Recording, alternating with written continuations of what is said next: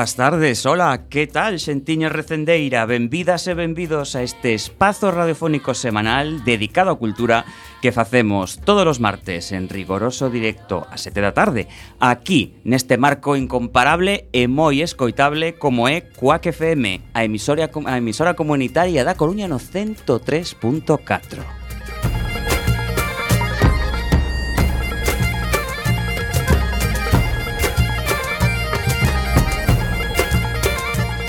A agrupación cultural Alexandre Bóveda presenta este programa que podedes escoitar polas ondas radiofónicas ou a través da internet e tamén en directo na páxina de emisora coacfm.org. Se non chegaches a tempo, non tes excusa, compañeira.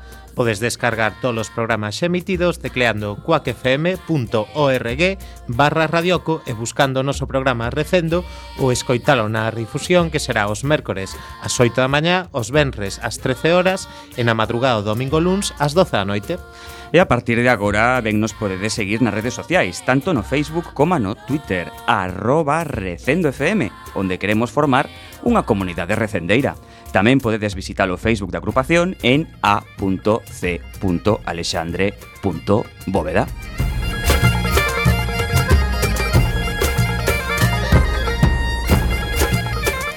E xa sen máis imos caraló na procura desta fantástica aventura cultural con Roberto Catoira no control técnico e falándolles coa Almanteira, Javier Pereira, Manu Castiñeira e Marta López.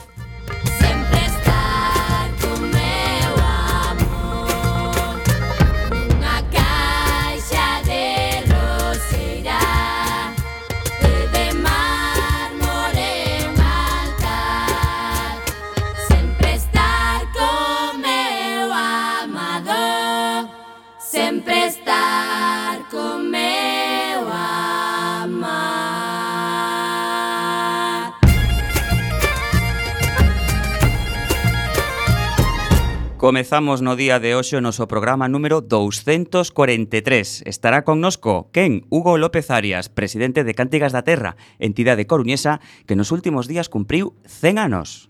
E teremos a sección de Ciencia e Tecnoloxía a cargo do noso compañeiro Roberto Catoira, que falará sobre o arqueólogo Florentino López Cuevillas.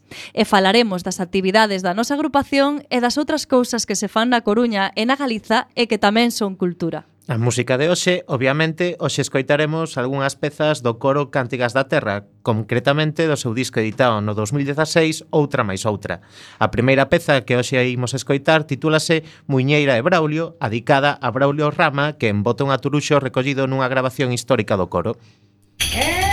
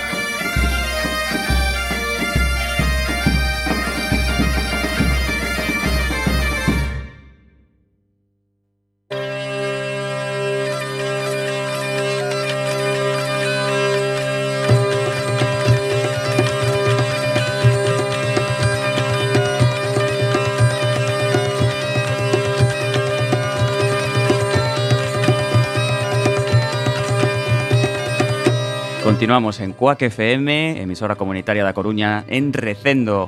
É o momento das nosas axendas culturais, sociais e de lecer. Comezamos polos actos da nosa agrupación. Para quen todavía non o saiba, lembrade que desde fai aproximadamente un ano temos un novo horario de apertura de luns a xoves de 19 a 21 horas no noso local da Rúa Olmos 16, 18, primeiro andar. O número de teléfono, lembrámolo tamén, 981200869 e o noso enderezo electrónico e-mail acab.mundo-r.com. Nese horario aínda se pode ver a nova exposición da nosa sección fotográfica Ollo de Vidro que consta, lembrámolo tamén, dunha selección de fotografías que presentou o colectivo en distintas exposicións ao longo de toda a nosa historia.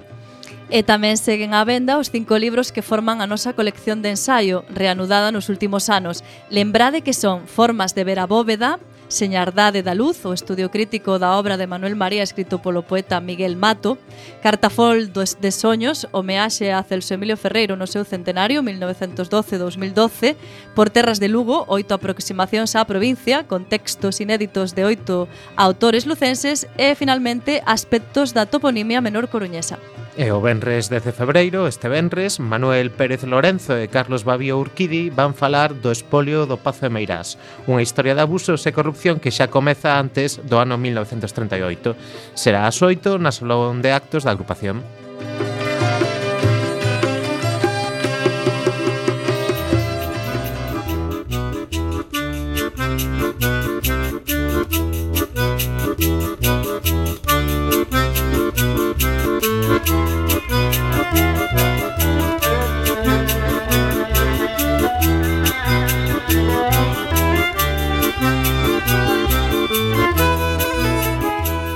Pasamos a continuación a facer un repaso en torno á xenda local da Coruña e falando das proxeccións eh, do Cegai. Continúa o ciclo Cine Español Banda Parte no Cegai que presenta unha serie de películas producidas nos últimos meses que, male a seren estreadas na algúns dos festivais internacionais máis prestixiosos, tiveron unha nula difusión nas salas comerciais galegas, coa excepción de Numax. Oxe, Proxéctase Dead Slow Ahead de Mauro Erce ás 8 e media e mañá mércores a mesma hora Pozo Amargo, de Enrique Rivero. Tamén comeza un ciclo adicado aos ambiciosos frescos históricos producidos nos anos 30 e 40 por Cecil B. DeMille. O xoves, día 9, proxectarase a Cleopatra de 1934 e o Benres Unión Pacífico, ambas ás 6 e ás 8 e media. O sábado toca o turno a sección of Galicia coa proxección de dúas películas de Eloy Domínguez Serén, Yellow Brick Road e tamén No Cow in the Ice. E o jazz é o protagonista da semana musical. Mañá mércores, o Rubén des Champs Quartet visitará o Jazz Filloa e ás 10 e ás 11 da noite. E na Sala Garufa, o xoves día 9, actuará Sunra, o lonxevo trío composto por Manuel Gutiérrez, Lar Legido e Xacobe Martínez Antelo, ás 10:30. E o Benres, Miguel Amas Quartet presentará o seu último disco Melted Lives, unha amalgama de funk, jazz, rock, flamenco e incluso sonoridades cercanas á música cinematográfica. A partir das 10 eh, perdón, a partir das 10 da noite. O sábado 11 hai dous importantes concertos na nosa cidade. Por unha banda, Dulce Pontes actúa no Palacio da Ópera con Peregrinaxe. Será ás oito e media. E pola outra banda, temos Eizal, que actúa no Coliseo ás nove e media na xira de presentación do seu último disco titulado Copacabana. Tamén o sábado, día 11, pero no Fórum Metropolitano a seis e media da tarde, a compañía italiana La Baracca representa El Elfantito, escrita, dirixida e interpretada por Bruno Capalli. A obra conta a historia de Bubu, o que os seus pais lle encomendan o tedioso traballo de lavar os calcetíns de toda a familia, por seren as súas irmás demasiado pequenas para as tarefas da casa. Para distraerse durante o lavado, comeza a contar unha historia, e así, como por encantamento, os calcetíns cobran vida e transfórmanse en animais selváticos, que contarán a historia dun bebé elefante de nariz pequena e curiosidade insaciable. O sábado día 11, na nave 1836, a partir das 7 da tarde, xornadas de presentación de catro colectivos sociais e culturais da cidade. O Ateneo Libertario Xoseta Río, o Centro Social Ocupado a Insumisa, o Centro Social A Comuna e Stop Desahucios, que, a pesar da súa variedade, comparten certas características entre eles, como realizar as súas funcións en ánimo de lucro, ou erixirse en nodos de creación de formas máis participativas de cultura, coñecemento e transformación social. Esta xornada enténdese como unha oportunidade para difundir e dar a coñecer de primeira man o seu modo de funcionamento, obxectivos e actividades. Seguimos o sábado 11, neste caso ás 8 media, o grupo de teatro do Ágora, dirixido por Víctor Díaz Barús, pon de novo en escea A noite vai como un río de Álvaro Cunqueiro, presentando unha galería de persoaxes cun elemento común. Todos eles van escapando das guerras. No medio dese movimento, Dona Inés e Modesta contemplan pasar a vida dende a torre na que viven. Será no centro Ágora ás 8 media. E rematamos a xenda local lembrando que aínda estades a tempo de visitar no quiosco Alfonso a mostra Xosé Covas a ilustración compartida que remata o próximo domingo día 12 e que recolle cun criterio temático e cronolóxico a principal produción deste prestixioso ilustrador galego.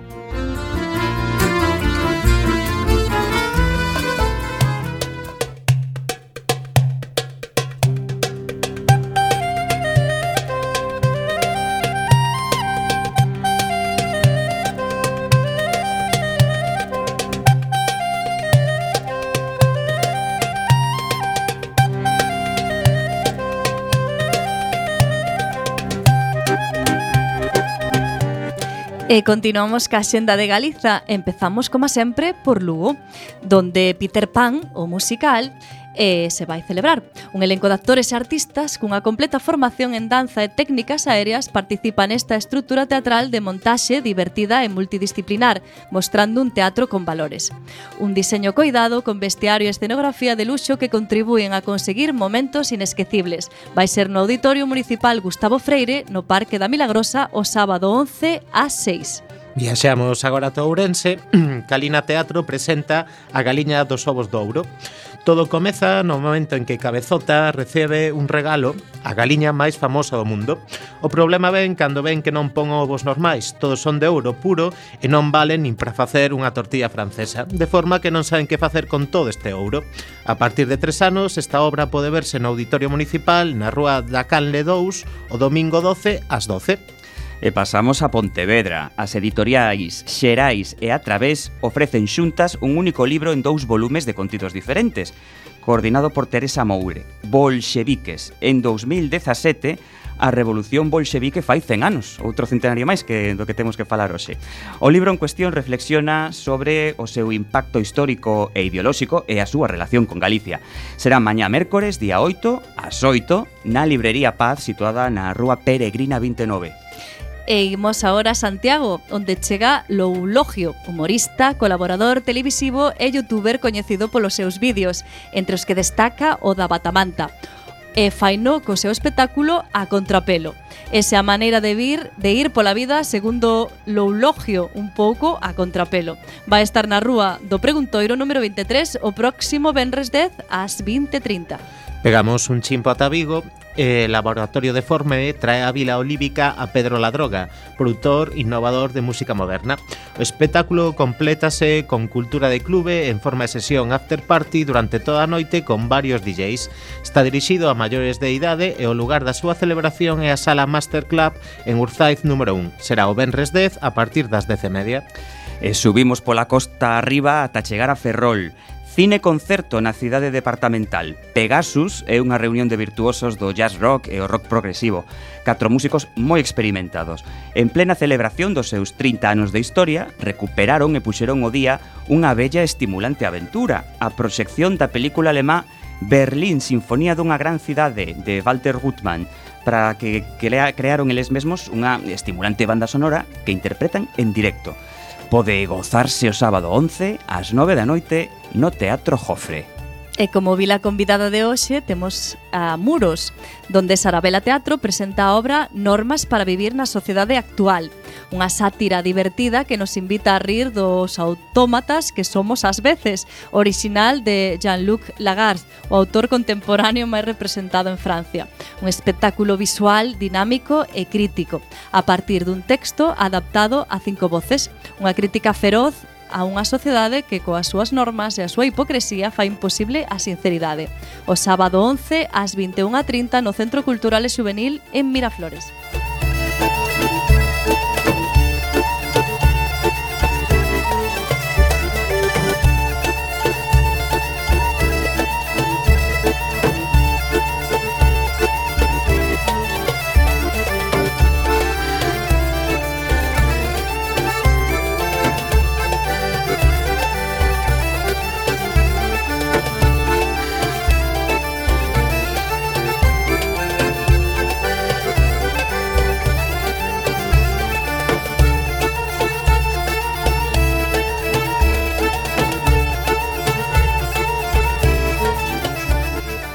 pasado mes de decembro, o coro coruñés Cántigas da Terra cumpría 100 anos. Vinculada ás Irmandades da Fala dende o seu nacemento, Cántigas da Terra era a posta en práctica da idea principal que motivou a creación das Irmandades da Fala, é dicir, a recuperación da identidade do povo galego. O intento de despertar o agarimo a terra a partires do agarimo os cantos populares en xebres. Aínda que nos referimos a Cántigas da Terra dende o comezo, foi algo máis que a iso cun coro, pois buscaron unha interrelación entre as diferentes disciplinas culturais que abranguen dende o canto, a música, o baile e o teatro empregando o galego como eixo integrador. Os seus fundadores foron moitos personaxes senlleiros das Irmandades da Fala, estando formada a directiva fundacional por figuras como Leandro Carré Alvarellos, Xerardo Roque, Eladio Rodríguez e Arturo Taracido. A pesar do seu fondo galeguismo, Cantigas da Terra foi quen de sobrevivir o franquismo sen abandonar o emprego do galego e resistindo a integrarse nas institucións da ditadura. Coa chegada da democracia, retomou con maior pulo a súa recuperación das cantigas populares ao mesmo tempo que aportaba composicións propias que conseguiron penetrar no imaginario popular. Este intenso esforzo foi recoñecido coa entrega da medalla Castelao e máis do Pedrón de Ouro pola súa contribución a espallar o patrimonio e a cultura galega, por non falar doutras homenaxes recibidas de parte do Concello da Coruña ou da nosa agrupación mesmo. Os actos da celebración do centenario comezaron a finais de verán, mm, van durar pois máis ou menos un ano, e para contarnos máis sobre os festexos e a historia de Cantigas da Terra, temos hoxe connosco o seu actual presidente que é Hugo López Arias. Moi boas tardes, Hugo. Moi boa tarde, como estades? Pois moi ben, para comezar, eh, queremos saber como se sinte un, aínda que fales en nome dunha agrupación, o cumprir 100 anos. Eh, bueno, saberíamos, sabíamos que o, que o centenario iba a crear unha certa expectación, mm. digamos, na cidade, mas no, no país, non? Eh, e, eh, eh, como tal, pois, pues, tiñamos que uh, intentar estar a, a altura, non? Entón, eh, cumprir 100 anos non se cumpren todos os días, eh, e, e ainda que nós personalmente non nos cumprimos, pois intentamos, digamos, desde a posición que xoga hoxe Cántigas na, na cultura, pois estar un pouco pois a, a altura, non? Eh, esperaba de recibir premios, homenaxes desta maneira?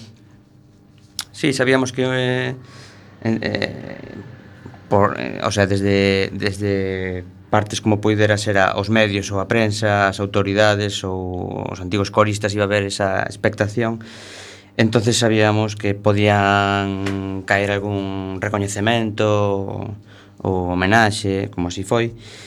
Eh, bueno, eh, estamos moi agradecidos de que iso fora así, non? Mm. En todo caso, bueno, pues, mm, cando se cumpre unha efeméride ou un, un aniversario sempre se acordan de un, pero digamos que fai, faría falla máis máis apoio institucional para estas entidades que ao fin e ao cabo son patrimonio. Claro, bueno, é un número redondo e un século. Sí, sí. Claro, non é calquera cousa. Eh, e dinos, Hugo, os, os membros activos de Cantigas da Terra eh, sentides quizáis algo de presión pola responsabilidade, podemos dicir, de manter a tradición?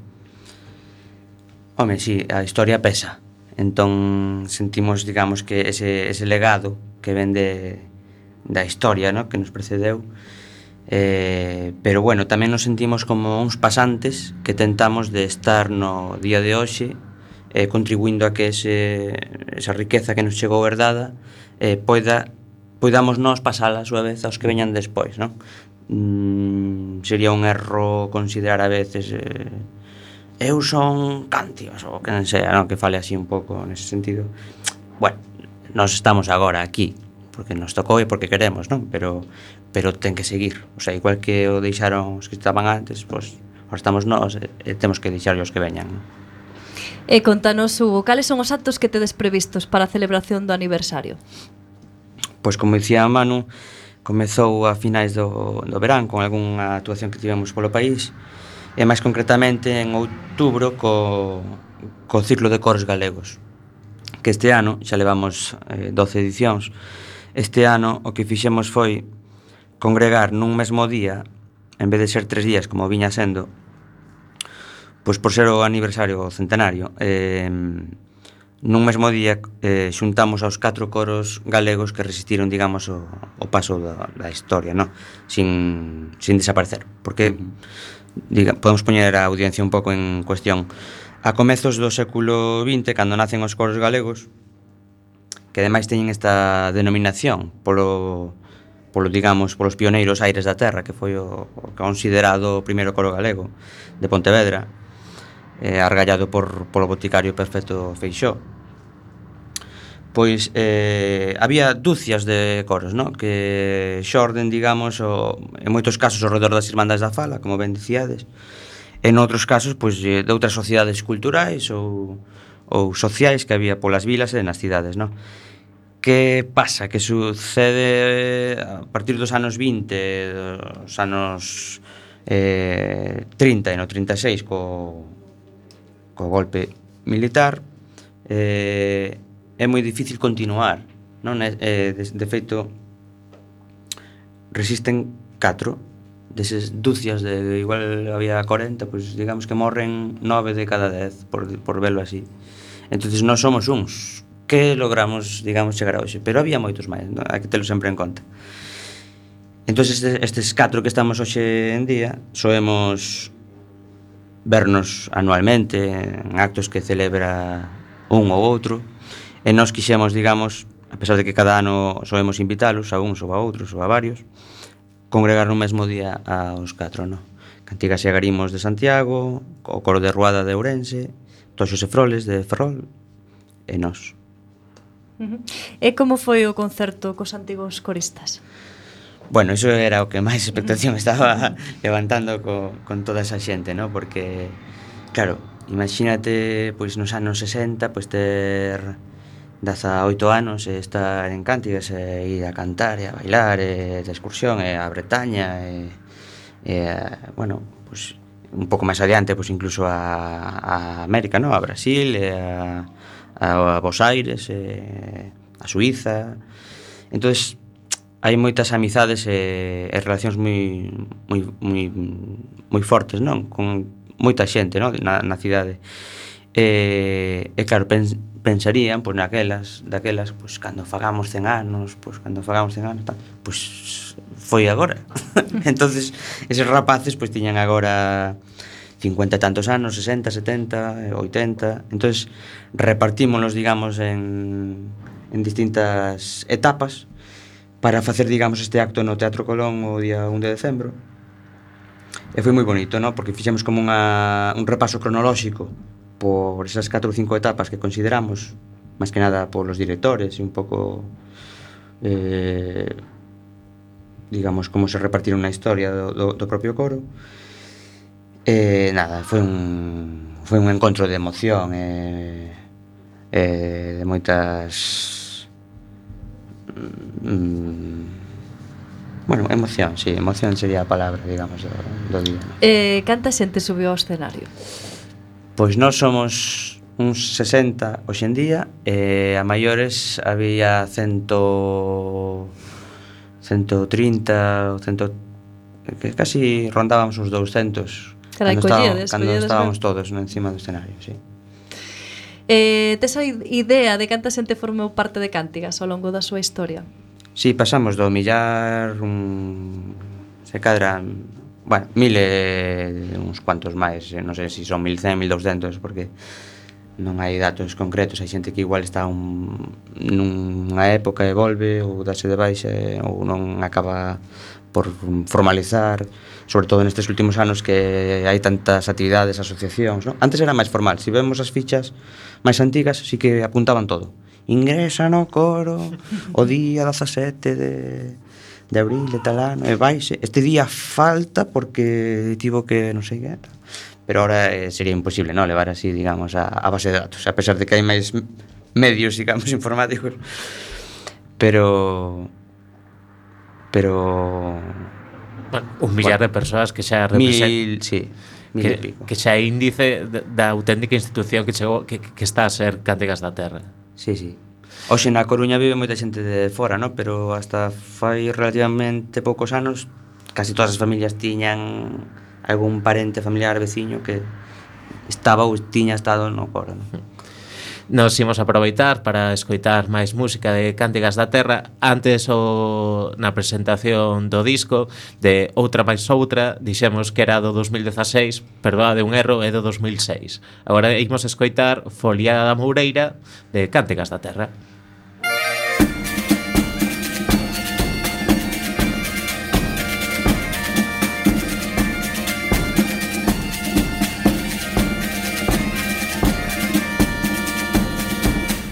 Por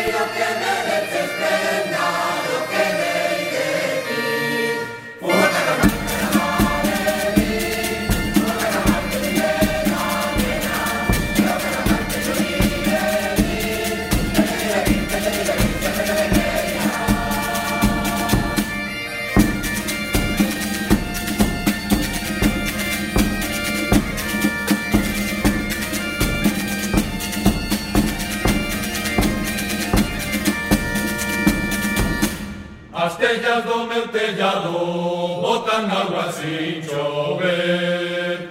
Castellano, castellano, botan agua sin llover. Ya que quieres que la, la, la. Ya que quieres cantar que la, ay, no, ni pa' Ya que quieres que la, la, la. Ya que quieres que la, ay, no. the.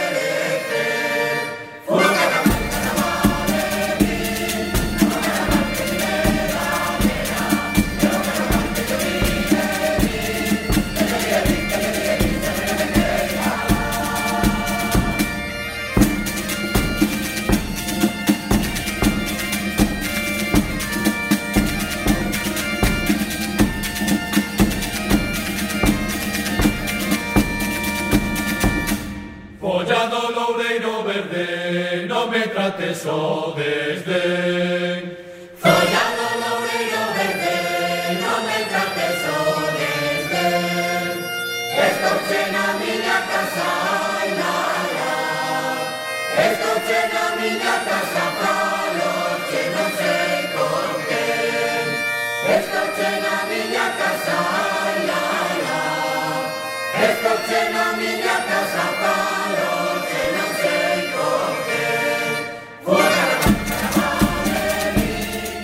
Retomamos a nosa conversa con Hugo López Arias, presidente de Cántigas da Terra E xa antes estábamos a comentar un par de, de actos que xa celebrades para que xa celebrastes, perdón, para o acto do, do centenario Pero que máis hai preparado, Hugo? Digamos que a parte máis intensa pasou agora no outono Con estes actos e actuacións que fixemos E agora temos previsto eh, para o 2017 ir elaborando para sacar a venta e, da xente interesada moitos dos coro, do coro, pero tamén para poñer a venda dos, do público, un libro fotográfico, digamos, que fai un repaso cronolóxico sobre todo polas primeiras épocas da, da institución, máis digamos dos 100 anos. Uh -huh. Eh, despois para un pouco máis adiante, non temos data, se cadra diámolo un pouco, pero está previsto unha, se cadra para o ano que ven, unha exposición conmemorativa con moitos materiais, de diversa índole, digamos, no... Bueno, eh, non está asegurado, digamos, o, o lugar, pero no centro da Coruña, unha exposición, digamos, eh, xeitosa, non? Uh -huh. eh, en cantos actos, pois, faremos tamén unha gala eh, con o grupo invitado e pecharemos nas festas, como ven sendo habitual no verán, con unha actuación no exterior, en principio, se o tempo permite, digamos como, digamos, final artístico do, da temporada, non? Uh mm. -huh. Tamén creo que aproveitades este centenario para homenaxear o voso primeiro director artístico, que non é outro que Leandro Carreal Varellos, e o voso grupo de teatro ten agora mesmo en reper no repertorio catro obras de, de Carreal Varellos. As obras creo que son Para vivir ben de casados, Un caso complicado, Ruinas e un home doente. Estas obras, por que foron elexidas, Hugo? Bueno, en primeiro lugar porque eh, ou eran inéditas ou facía moitísimo tempo que non subían a un escenario eh, polo, por recuperar tamén un pouco o teatro histórico no galego Eh, nisto ten moito que ver o noso mestre director do, do teatro Moncho Iglesias e gracias a él e a xente que está no teatro no cadro de teatro pois puderonse facer con moito éxito, cremos nós eh, estas recuperacións que seguimos un pouco tamén nesa liña non? Uh -huh. Eh, algunha idea de por que están esquecidos estes, digamos, te clásicos do teatro galego? Eu creo que por descoñecemento eh, se cadra se puxeron de moda outros estilos, outros formatos ou, ou cosas máis contemporáneas e se empezou a ver un pouco pasado, entre comillas pero realmente estamos vendo na televisión uns números de teatro un pouco a veces degradantes incluso para, una, para a propia identidade do, do povo galego non? e este outro xeito de comedia que facemos nós ou que facía esta xente de, como Leandro Carrenas eh, no coro ou, ou noutros aspectos nas, nas irmandades pois non non degrada, digamos, a a ningún personaxe hasta o punto que podemos ver hoxe na televisión, non? Eu creo que eso é un punto a ter en conta e eh, creo que está ben que sexa así. Ademais é que son obras que sen a ter vixencia, non? Por exemplo, un caso sí. complicado que é como unha obra de, digamos, é como unha especie de mm, digamos, trama policíaca ou de teatro negro, non? Sí, sí, que se poden levar ao día de hoxe perfectamente. De feito, digamos, no, no guión final para poñelo a hoxe, pois igual metemos algún detalle gracioso polo medio como pode ser pois, estar co, mandando un whatsapp ou calquera cousa que o sea, non cambia para nada o sentido da obra eh, porque se, xa digo, pode colocarse digamos hoxe non? E eu, en canto repertorio musical, que aquí en Recendo somos che un tanto cantareiros, eh, cales son as cancións que estades a interpretar actualmente? Bueno, pois estamos eh, o que fixemos para o centenario foi, digamos, ter un repertorio máis ou menos concreto, amplo, E, e agora que pasaron estes actos Estamos recuperando algunhas que Igual facían algunhas temporadas Que non tiñamos así, digamos Demasiado presentes E podería haber moitas máis Porque temos ali Os caixóns, digamos, do arquivo Cheos de pezas por Por, por, pois, por, por montar para ser cantadas, non? eh, nos ensaios últimos pois estamos ensaiando a Folia da Maía, estamos recuperando a, a Débora, de Anguares, ahora estamos tamén cunha que eu nunca cantara, que é a pandeirada de Cesullas, ou Trola ou Troula, que tamén se lle chama.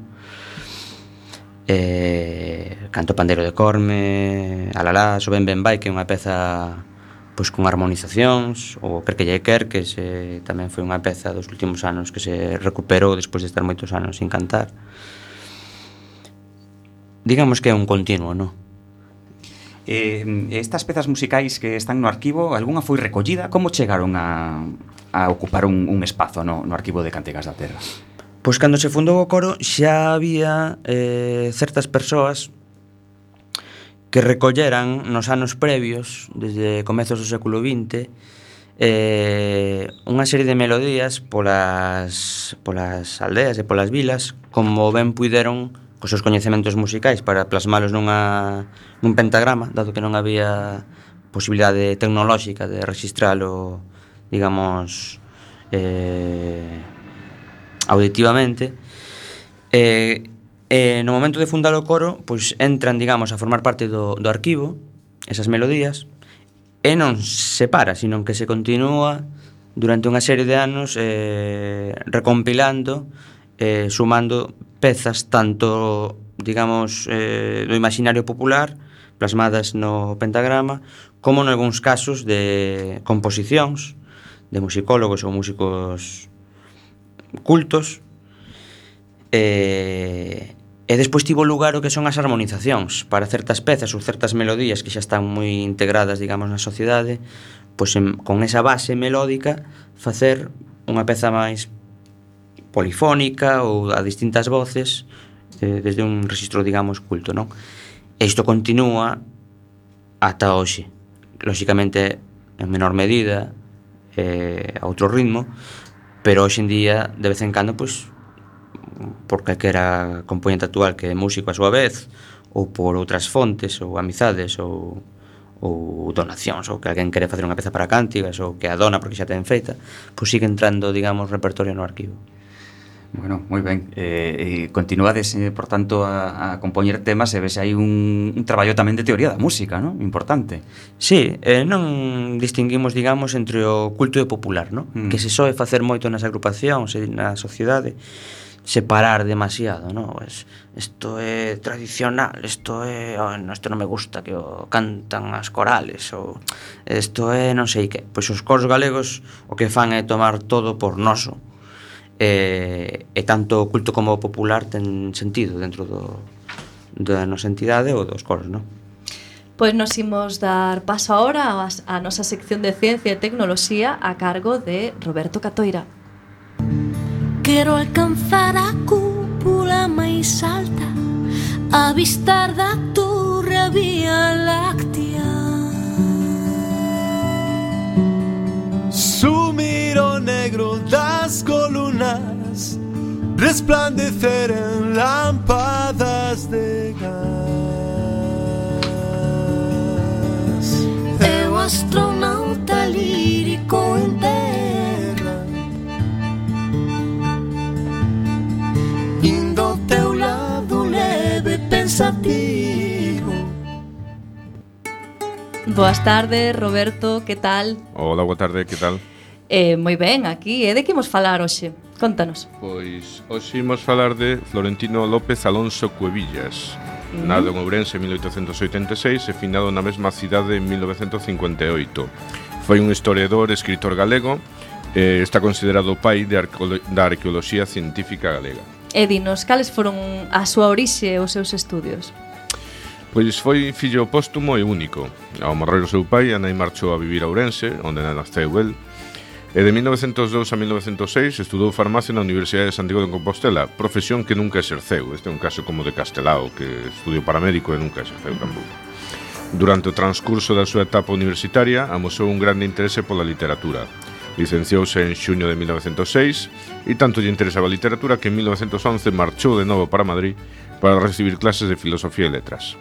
Ao rematar os estudios, nesa mesma cidade traballou como funcionario de gobernación volvendo breves tempadas a Galicia, pero o feito de sentirse perdido en Madrid favoreceu o seu regreso a Ourense eh, traballando como funcionario primeiro de Gobernación e despois da Facenda Pública. Pero a ver, se non foi farmacéutico e si funcionario de Facenda, como destacou na cultura galega? Isto é habitual, na cultura galega sempre estamos facendo o, o contrario do que deberíamos. Os primeiros artigos creados por Cuevillas foron textos políticos e de crítica literaria publicados no periódico El Miño. Despois tamén colaborou en La Zarpa, El Diario de Orense, El Pueblo Gallego, Heraldo de Galicia, Misión, Faro de Vigo, La Noche e La Región. En 1917, hai 100 anos, que casualidade, non? Os integrantes da Igrexa Teosófica Rosso de Luna, entre os que estaban el e Vicente Risco, decidiron fundar a revista La Centuria, na que Cuevillas xa comezou a manifestar unha maior orientación sociopolítica. Nese mesmo ano, e por influencia de Antón Nosada Dieguez, Cuevillas implicouse co galguismo, ingresou nas Irmandades da Fala en 1918, intervendo na fundación da revista Nos en 1920, con eh, Risco Castelao e outros.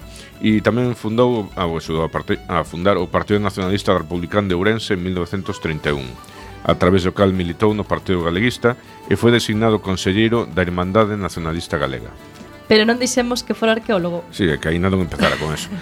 en 1922, eh, cando el tiña 36, publicou o seu primeiro traballo de arqueoloxía en Nos, a mansión de Akis Kerkenis, que está por ali pola zona de Bande, non sei se a coñecedes, un campamento magnífico un estudo sobre a Galicia prerromana. Dende entón traballou no estudio da historia e patrimonio arqueolóxico galego dende a Comisión Provincial de Monumentos Históricos e Artísticos de Ourense. As súas investigacións de campo, as máis das veces dirixidas ao estudo do megalitismo e da cultura castrexa en Galicia, así como a sistematización da prehistoria galega que realizou, acabaron por coroalo como a figura máis importante en Galicia no referente a investigación prehistórica. Incorporouse ao Seminario de Estudos Galegos ao pouco de crearse, no que foi elixido director da sección de Prehistoria cando se constituiu en 1926, cargo no que estivo ata a disolución do seminario en 1936. Finalizada a Guerra Civil Española, foi purgado políticamente, pero a partir do 39 continuou os seus estudios arqueolóxicos. Mais tarde deixou de lado o traballo de campo por mor dunha agudización do seu reumatismo articular, pasando a dedicarse á sistematización da información recollida nos anos anteriores. Ademais de Aquis Querquenis, escavou castros como os de San Cibrao de Las, Neixón, Troña, Castromao, Cartelle ou Cameixa, que son dos máis destacados que temos no país. E contanos tamén que obras publicou. Pois escribiu obras en solitario, pero colaborou con frecuencia, sobre todo con Fermín Bouzabrei e tamén algo menos con Xaquín Lorenzo Xocas. As temáticas foron variadas, como a masión de Aquis Querquenis, a cidade de Ourense, a parroquia de Bella, a prehistoria, folclore de Barbanza, a civilización céltica, a idade, de ferro, a idade do ferro en Galicia e moitos outros temas. Eh, redactou o tomo da prehistoria, o terceiro, da historia de Galicia, dirixida por Otero Pedrallo, aquela magna enciclopedia que el compilou. Eh, que recoñecementos tivo? Pois eh, en 1941 ingresou na Real Academia Galega En 1944 accedeu ao Instituto de Estudios pa eh, Galegos Padre Sarmiento, que era o sucesor do Seminario de Estudos Galegos, e por último, en 1968 dedicouse ao Día das Letras Galegas. Pois moitas gracias, Roberto, por esta ah, información. A vos. Pois continuamos, continuamos ca nosa entrevista ao López Arias de Cántigas da Terra eh, Contanos, un dos principais activos de Cántigas da Terra é o seu arquivo Que cosas podemos atopar nel? Pois no arquivo hai documentos de diverso tipo. Temos eh, eh documentos eh, por chamar de algún xeito sonoros, ou de audio, ou auditivos, ou musicais, como poden ser partituras, en papel, claro, eh, discos, discografía, non só nosa, sino outra discografía que é complementaria, eh, documentos audiovisuais, como poden ser ou fotografías, ou vídeos, ou eh,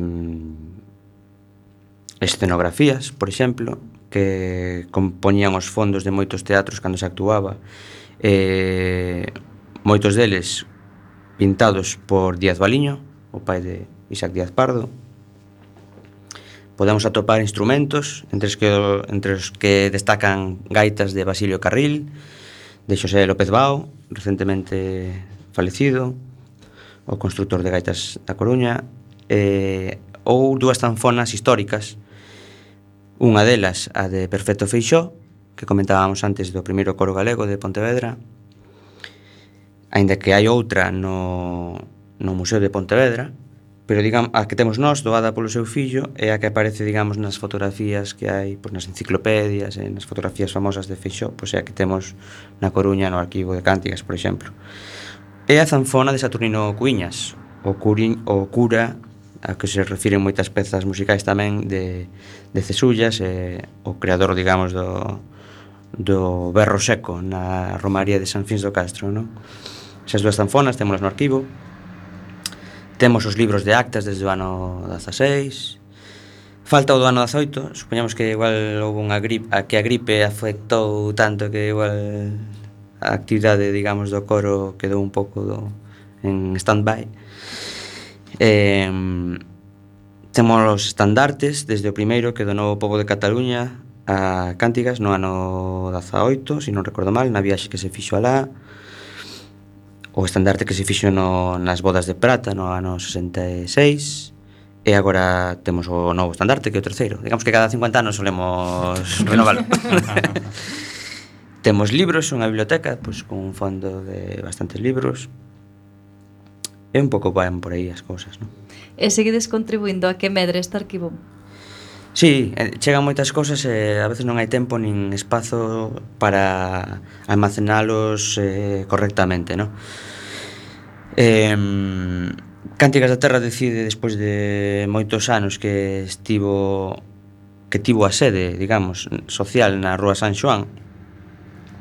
De feito, hasta 2015 estivemos ali utilizándoa Decide hai uns 12 anos ou por aí mercar por iniciativa propia un baixo, un soto no barrio de Monte Alto e hoxendía, hoxendía é un salvavidas, non? A anterior directiva pois fixo esa boa, tivo esa boa idea e hoxendía podemos dicir que non só faltan hai nada, catro cotas de, por decirlo así, da hipoteca e, e eso sírvenos de, de seguridade, non?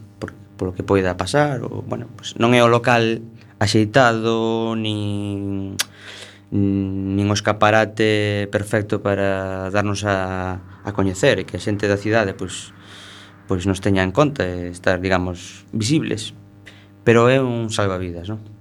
E a ver, que vos está a disposición de calquera persoa Sí, a ver, de entrada, si non ten fins, eh, digamos, que consideremos ilícitos ou lucrativos para uns fins comerciais de terceiros sin sentido ou algo así, pois pues estamos abertos a calquera consulta para que se poida, eh, digamos, difundir na nunha medida axeitada, non? Eh, Nese sentido, gustaríanos, agora coas tecnoloxías que hai, estamos digitalizando todo o fondo, digamos, de partituras, que é o máis importante, a parte das fotografías, a ver se si nas nos vindeiros anos pois, eh, pode haber algunha iniciativa importante neste sentido para que ese legado patrimonial do povo pudera chegar ao povo, pero que ao mesmo tempo, digamos que Cántigas tivera un, digamos, unha recompensa ou como queramos chamalo, por ser quen de salvagardalo todos estes anos, incluso nos anos tan difíciles, non? E, e, e de que non se espoliara, digamos, como sucedeu en moitas outras sociedades ou ou, bueno, pues está aí, non? E digamos que o ideal sería que retornase ao povo que diga, digamos que o, o fin dos fundadores, ¿no? que esa cultura que estaban recompilando esas músicas, esas melodías, pois pues volvelas, digamos, a, ao povo, ¿no? no. É que tem... Perdón. Non, perdón, Marta. Continúa, continúa. No, no, que, que temos que facer para consultalo? Pois pues pode entrar, entrar en contacto con nós ou nos teléfonos na página web, por exemplo, cantigasdaterra.gal todos seguidos en acentos. É interesante que, que digas punto gal porque sí. non a toda a xente se lle correría o mellor probar co punto gal, verdad? bueno, se poñes punto com tamén ides tamén, chegar claro. a onde tedes que chegar. Pero digamos que o, a dirección oficial é punto gal, porque xa que conseguimos o punto gal hai que utilizalo non? e fomentalo eh, ou se queredes eh, enviar directamente un correo electrónico arquivo arroba, en este caso, cantigasterra.com porque os correos non foron co, digamos, coa páxina pero eh, poñéndose en contacto con nós basicamente, teléfono directamente en persoa ou, ou polo correo explicando, digamos, para que normalmente aténdese Mm, as peticións, sobre todo cando son en prol da cultura, non?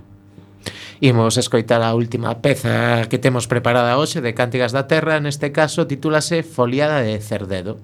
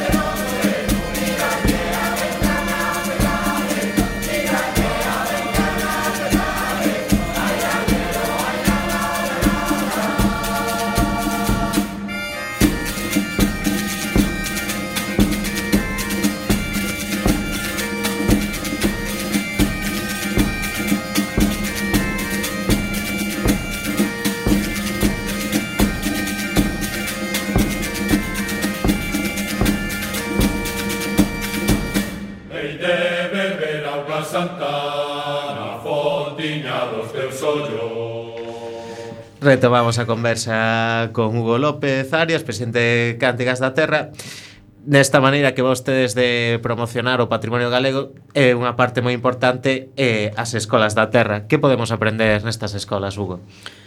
Pois as escolas da terra son un espazo eh, útil eh, que sempre houbo, aínda que agora, digamos, lle demos un carácter un pouco máis corporativo. Hmm. Eh, é un espazo onde calquera persoa neno ou adulto, pode entrar en contacto co folclore e coa tradición por medio dos instrumentos, do canto, do baile, do, bueno, das disciplinas, digamos, artísticas. E de aí moitas veces eh, o coro pois eh, nutrese de componentes, non? de músicos, de cantadores, de bailadores, do que pudera ser. E conviven, digamos, nesas escolas que é bonito xente nenos con xubilados, con xente de mediana idade, traballadores, eh, un, o espazo, digamos, no que se entra en contacto co, co coro e co folclore en moitos casos. E calquera persoa pode apuntarse a estas clases? Sí, calquera persoa. As cotas rondan os 20 euros mensuais eh, e son clases semanais. E están, digamos, de luns a venres todo ocupado. Hai unha serie de actos despois ao longo do ano eh, o que teñen as escolas é que non tes un compromiso, digamos, de como pode ser no coro, no? Que no que digamos que non asinas un contrato, pero tes que estar un pouco máis pendente de das actuacións ou do que pudera haber, no? As escolas, digamos que unha entrada.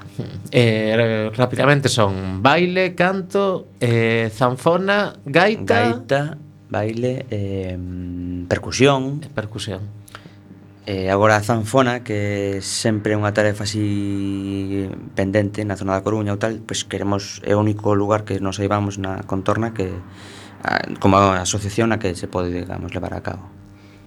Eh, a piques de rematar esta agradable conversa, Hugo, eh, contanos, que, cal é a procedencia de, dos coristas, eh, músicos que forman parte da agrupación? Calquera persoa pode formar parte de Cántigas?